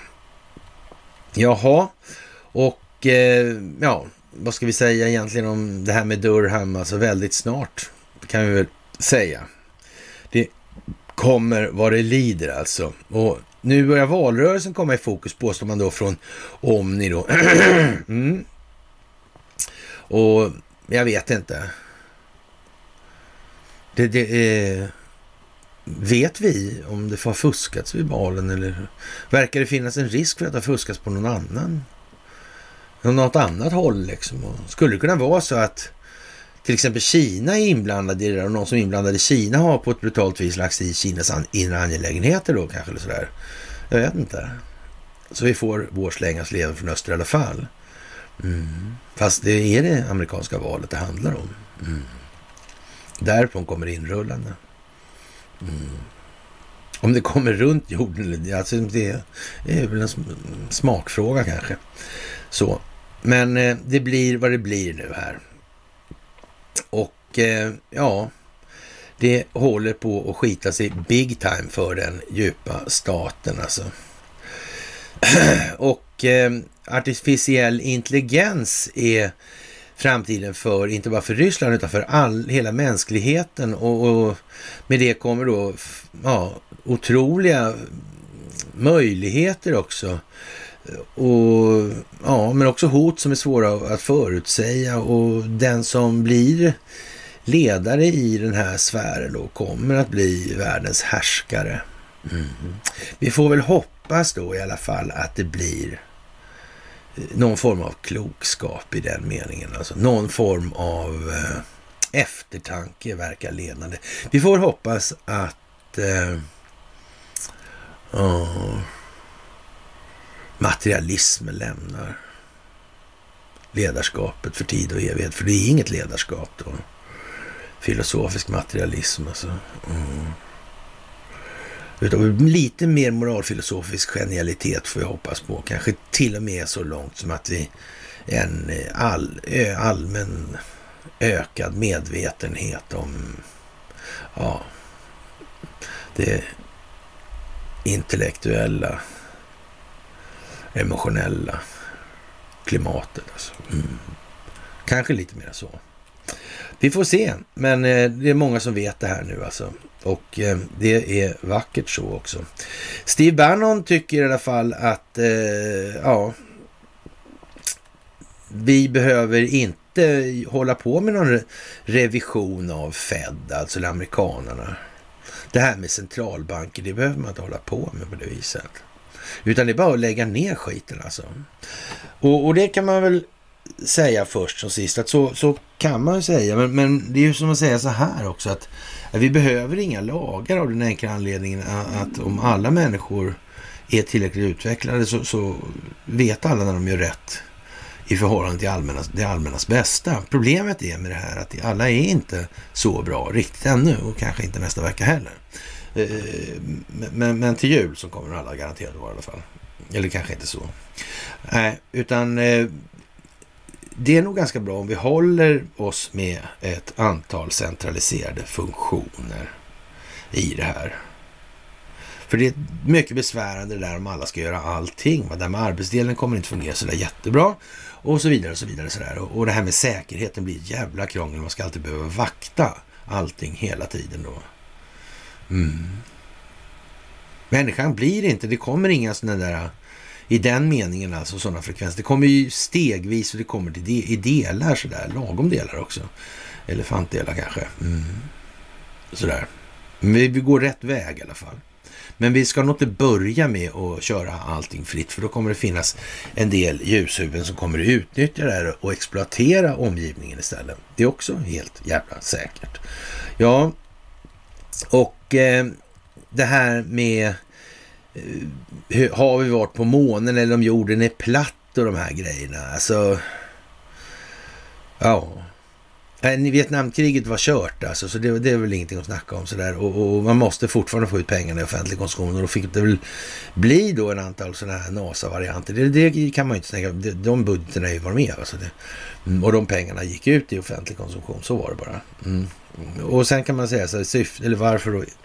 Ja, det spelar egentligen ingen roll nu. Det förändrar ingenting. Om vi har varit på månen eller inte. Eller om jorden är platt. Eller inte. Det förändrar ingenting. Men ska vi, är det någon som ska åtalas för mened eller eh, vad? Är det någon som ska liksom ha någon, om det nu visar sig att det är så en bluff och så vidare, då blir det den befolkning som har gått på det här i så fall. För man kan väl inte gärna säga så här, men det var första och enda gången, det tror jag inte på i så fall. Andra gånger finns det helt säkert frågan om det här är ytterligare en gång. Men om det är ytterligare en gång, är, det någonting som har någon större avgörande betydelse i något sammanhang kanske? Inte? Nej, nej, det tror inte jag heller faktiskt. Jag tror inte heller att det är det. Så vi håller oss ganska eh, mm, hovsamma i uttrycket i det där. det är inte stor idé liksom att hålla på. Däremot så kan man livligt föreställa sig att vissa underrättelsetjänster tycker att det här kan vara en fin grej liksom. Alltså hypotetiskt då. Och plantera som projekt då för att nu är ju Värn inte ett sådant exempel skulle jag vilja påstå, men, men om man nu ska misskreditera då, om ska CIA ska misskreditera någon till exempel, mm, då kan det ju vara sån här månlandningstrams då. För det var ju de ändå som, ja, med konspirationsteoriernas grundande och sådana grejer.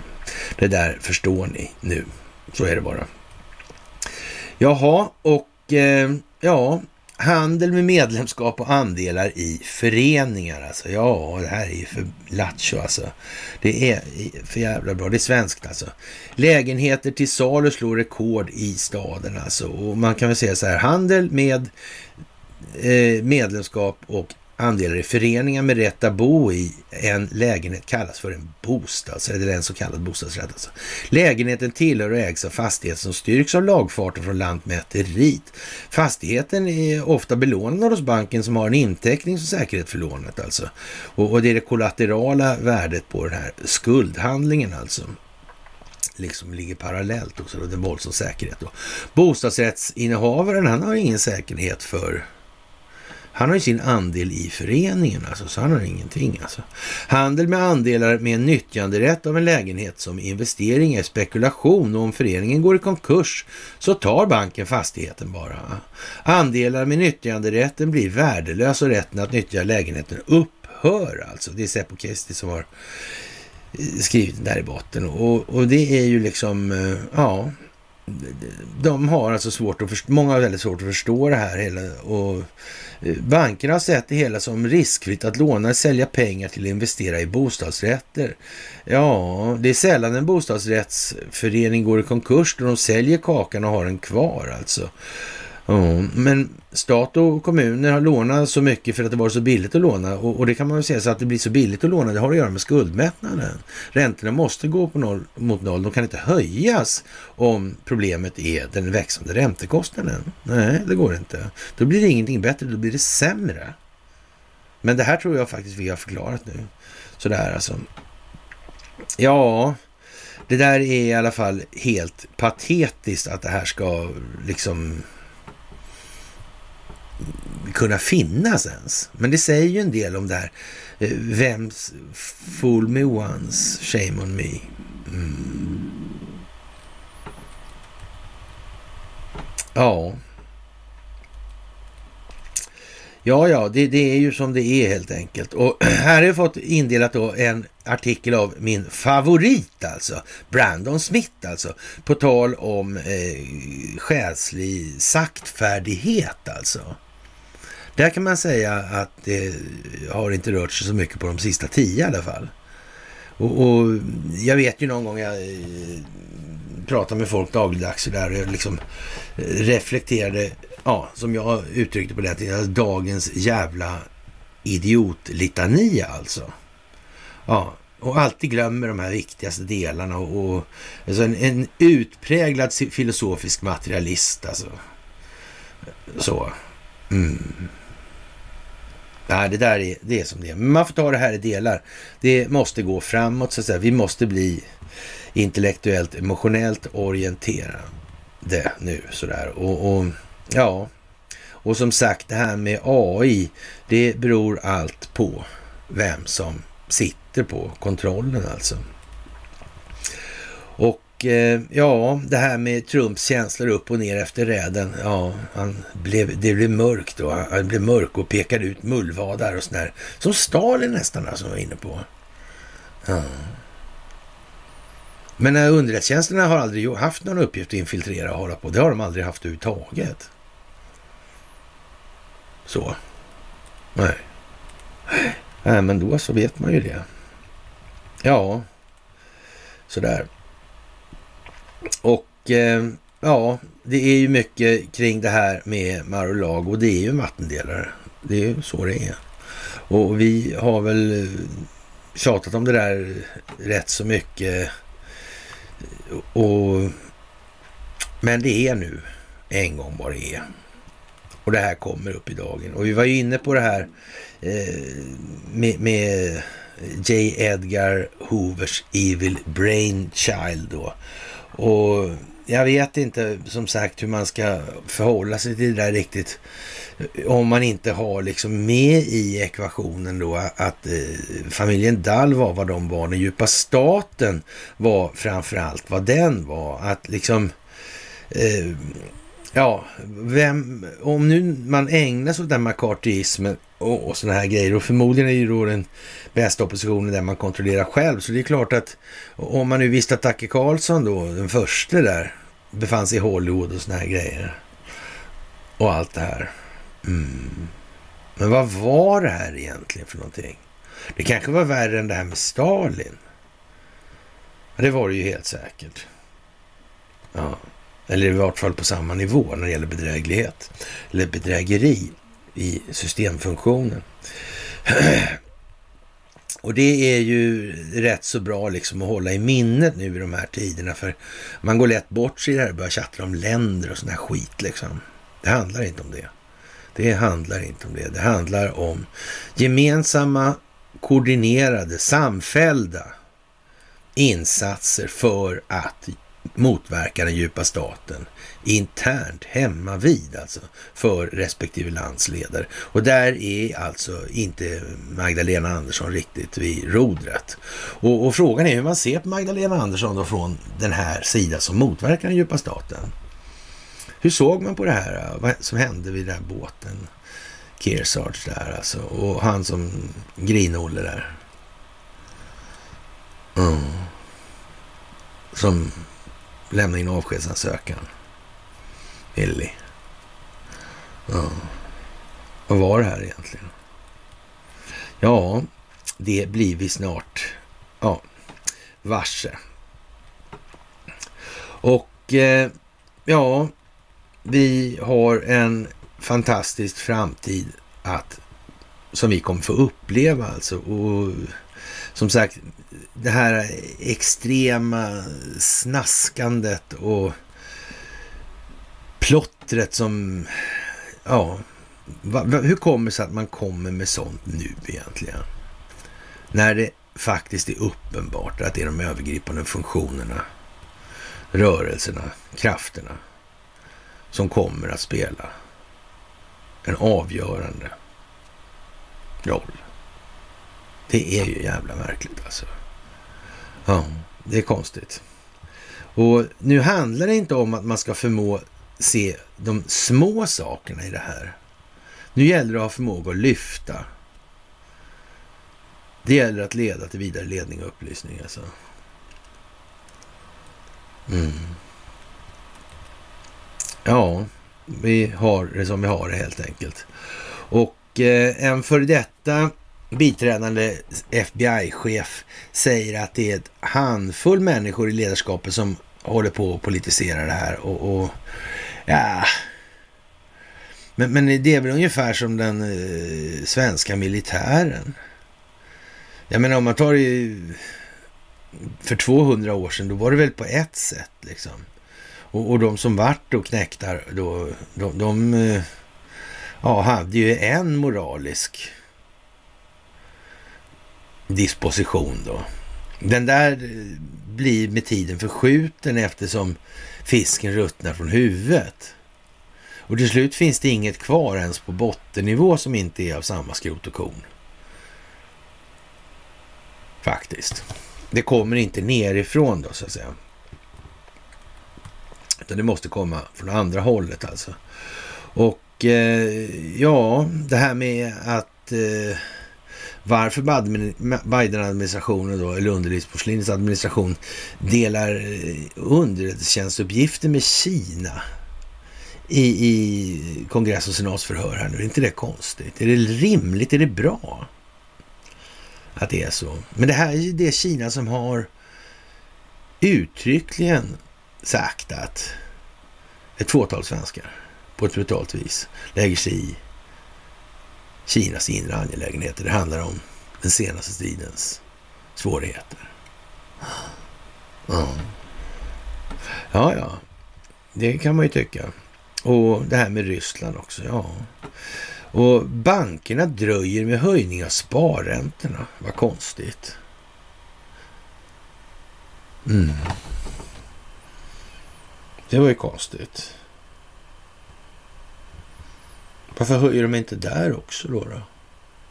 Varför höjde de inte när de höjde till 500 procent på styrräntan förra? Varför höjde de inte inlåningsräntorna för? Ja, ni ser ju, det här blir lite tråkigt. Men vi får glädja oss med lite uppiggande nyheter från Jimpan. Jimpan-Limpan, han vill se mindre vård och mer straff i Sveriges fängelse. I sitt korta sommartal, i sitt sommartal, säger han att eh, kriminalvården bör byta namn till Straffverket, enligt Expressen alltså. Och myndigheternas främsta uppgift ska inte vara att vårda, det ska vara att låsa in och straffa och hålla kriminella bort från gator och torg, säger Jimmy Åkesson. Och det svenska rättssystemet är helt fantastiskt enligt Jimmy då. Alltså. Det finns inget som helst, alltså, alltså ja. Eh, nu börjar nivån bli så att eh, det blir lite skämsigt nästan. Alltså lite, ah, man känner sig lite förlägen alltså när man sitter här blir rosor på kinderna alltså. Ja, sådär. Mm. Men eh, som sagt, det är väl snudd på man får hoppas på att det blir ett val då. då och, och, att Jimmy får vinna det där valet alltså. Det vore ju liksom det magnifika, eller möjligtvis att Magdalena då vinner igen då. Sådär, eller ja, så kan det ju bli ett val. För, alltså det kan ju bli lite olika grejer där. Men, och, och här är det ju eh, rätt så speciellt kan man säga med vårt system. Och ja, det här... Eh, det här med att man inte ska begå brott från början, det, det är liksom ingen väg då, utan det gäller att låsa in då. Och, och sen kanske vi ska privatisera fängelserna på en gång. Och så vidare. Så har vi en fängelseindustri och den tjänar ju faktiskt mer pengar ju fler som sitter inlåsta. Det blir ju lite som ett självspelande piano där alltså. Mm. Det finns ju några filmer om det där med de här privata fängelserna som faktiskt ofta tycks bli en smula korrumperade. Kan det, kan det vara bäring på verkligheten? Jag har ingen aning faktiskt. Men, ja, det är ju som det är alltså. Och eh, Dan Bongino, han är inne på det här att det faktiskt har varit korruption förr i USA. Alltså, och det här med att eh, ja, justitiedepartementet var korrumperat långt innan den här Trump-razzian. Det ska man aldrig glömma bort, säger han. Nej, jag vet inte. Jag vet inte. Mm. Nu är det ju som tur är så är ju inte det svenska justitiedepartementet och det här, den här verksamheten som de bedriver, den är ju inte korrumperad alls. Alltså, den är helt liksom klanderfri. Alltså. Ett moraliskt föredöme för kommande generationer. Mm. Ja då, ja då. Ja, sådär. Lite gulligt kanske, jag vet inte. Eller inte alls kanske, jag vet inte heller. Ja, och eh, som vanligt JP Morgans ja, ädelmetallshandel då eh, blev skyldiga då i någon form av rättegång då och ja, manipulerat världsmarknadspris på guld. Mm. Jo, men handlar om det på terminer. Det är ungefär som, jag tror att det är så med energin också. Va? De handlar med prylar de inte har som inte finns. Energin är inte tillverkad än när de köper och säljer den. Så är det ju. Mm. Vad händer då egentligen? Liksom, det är tiden på något vis här som är... Ja, ja, ja. ja. Mm. Och det är ingen risk att någon fuskar med det där. Nej. Och Sveriges gröna omställning får kritik i The Guardian alltså.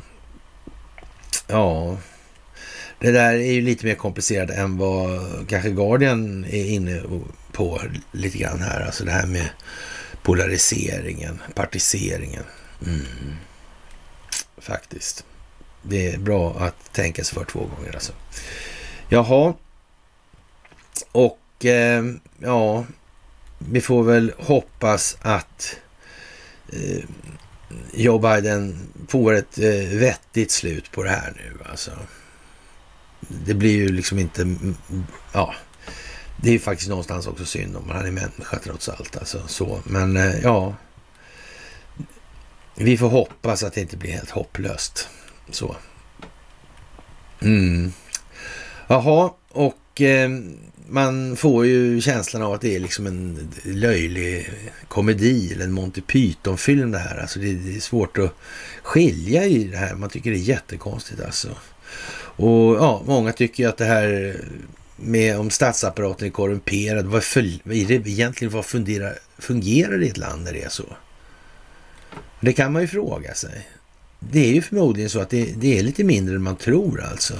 Och Donald Trump Jr har ju inte låtit bli att ta upp det här. Alltså när, vad som händer då, när, hur de minen på FBI-agenterna när de kommer på att de här 15 lådorna som de tog från Mar-a-Lago är fulla av eh, ja, Hillarys suddade e-mails. Det där som Crowdstrike suddade, det där som Ericsson kontrollerade Crowdstrike suddade. Mm. Ja, ja, man vet ju inte faktiskt. Man vet ju inte vad det ska bli av det där. Men, men lite tråkigt alltså för FBI, tycker ni inte det? Det är synd om dem faktiskt. Ja, det är som det är nu och det är bra. Och eh, ja, vi får väl hoppas att den här veckan inte spårar ur fullkomligt nu alltså. För nu är det stora saker på gång helt enkelt. Det är inte så att det inte har hänt mer saker än förra veckan, veckan innan och så vidare. Så det är alltid mer och nu blir det ännu mer. Fast lite grann kan vi nog tänka oss att det blir lite stando ändå alltså. Men den här nästa valfilmen, den är 20, den är nog en del och oh, så är det. Och sen Ljuset från öster där den 17 på fredagen. Va? Nej, på onsdagen. Va? 16, 18 på torsdagen så var det. I övermorgon, onsdag. Mm. Ja, det där är speciellt alltså. Det var den 12 där som den där kom upp. Ljus från öster. Det skulle bli den 17 alltså. Mm. Ja då, det är speciellt. Det är det. Jaha, Press på sol, kärn och vattenkraft i extremvärmen i Omni då, som sagt. Och värmen med uttorkade floder som följd skapar press på hela vår generations elsystem, rapporterar BBC då. I Italien har produktionen från vattenkraft fallit med 40 procent det senaste året som till en följd av torkan och liknande tapp syns i andra europeiska länder. Vattensituationen skapar även problem för kärnkraftverk. När mängden vatten i floder är låg och när vattnet är varmt så måste du mer eller mindre sluta kyla ner kärnkraftverk eftersom vattnet som släpps ut är farligt för fiskar, säger sådana Sonja Seneviratne, professor vid ETH, universitetet i Zürich till kanalen. Eh, dessutom påverkar solpanelen negativt av värme då vid temperaturer över 25 grader blir verkningsgraden betydligt sämre enligt energikonsulten Catherine Porter.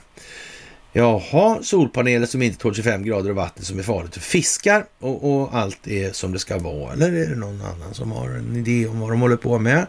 Är det eh, ägnat att skapa någon form av reaktioner som ska leda vidare i en viss given önskad riktning för att man ska nå ett vidare opinionsbildningsmässigt klimat för att ytterligare informationer ska kunna skapa andra opinionsbildningsmässiga effekter? Jag vet inte. Vad tror ni?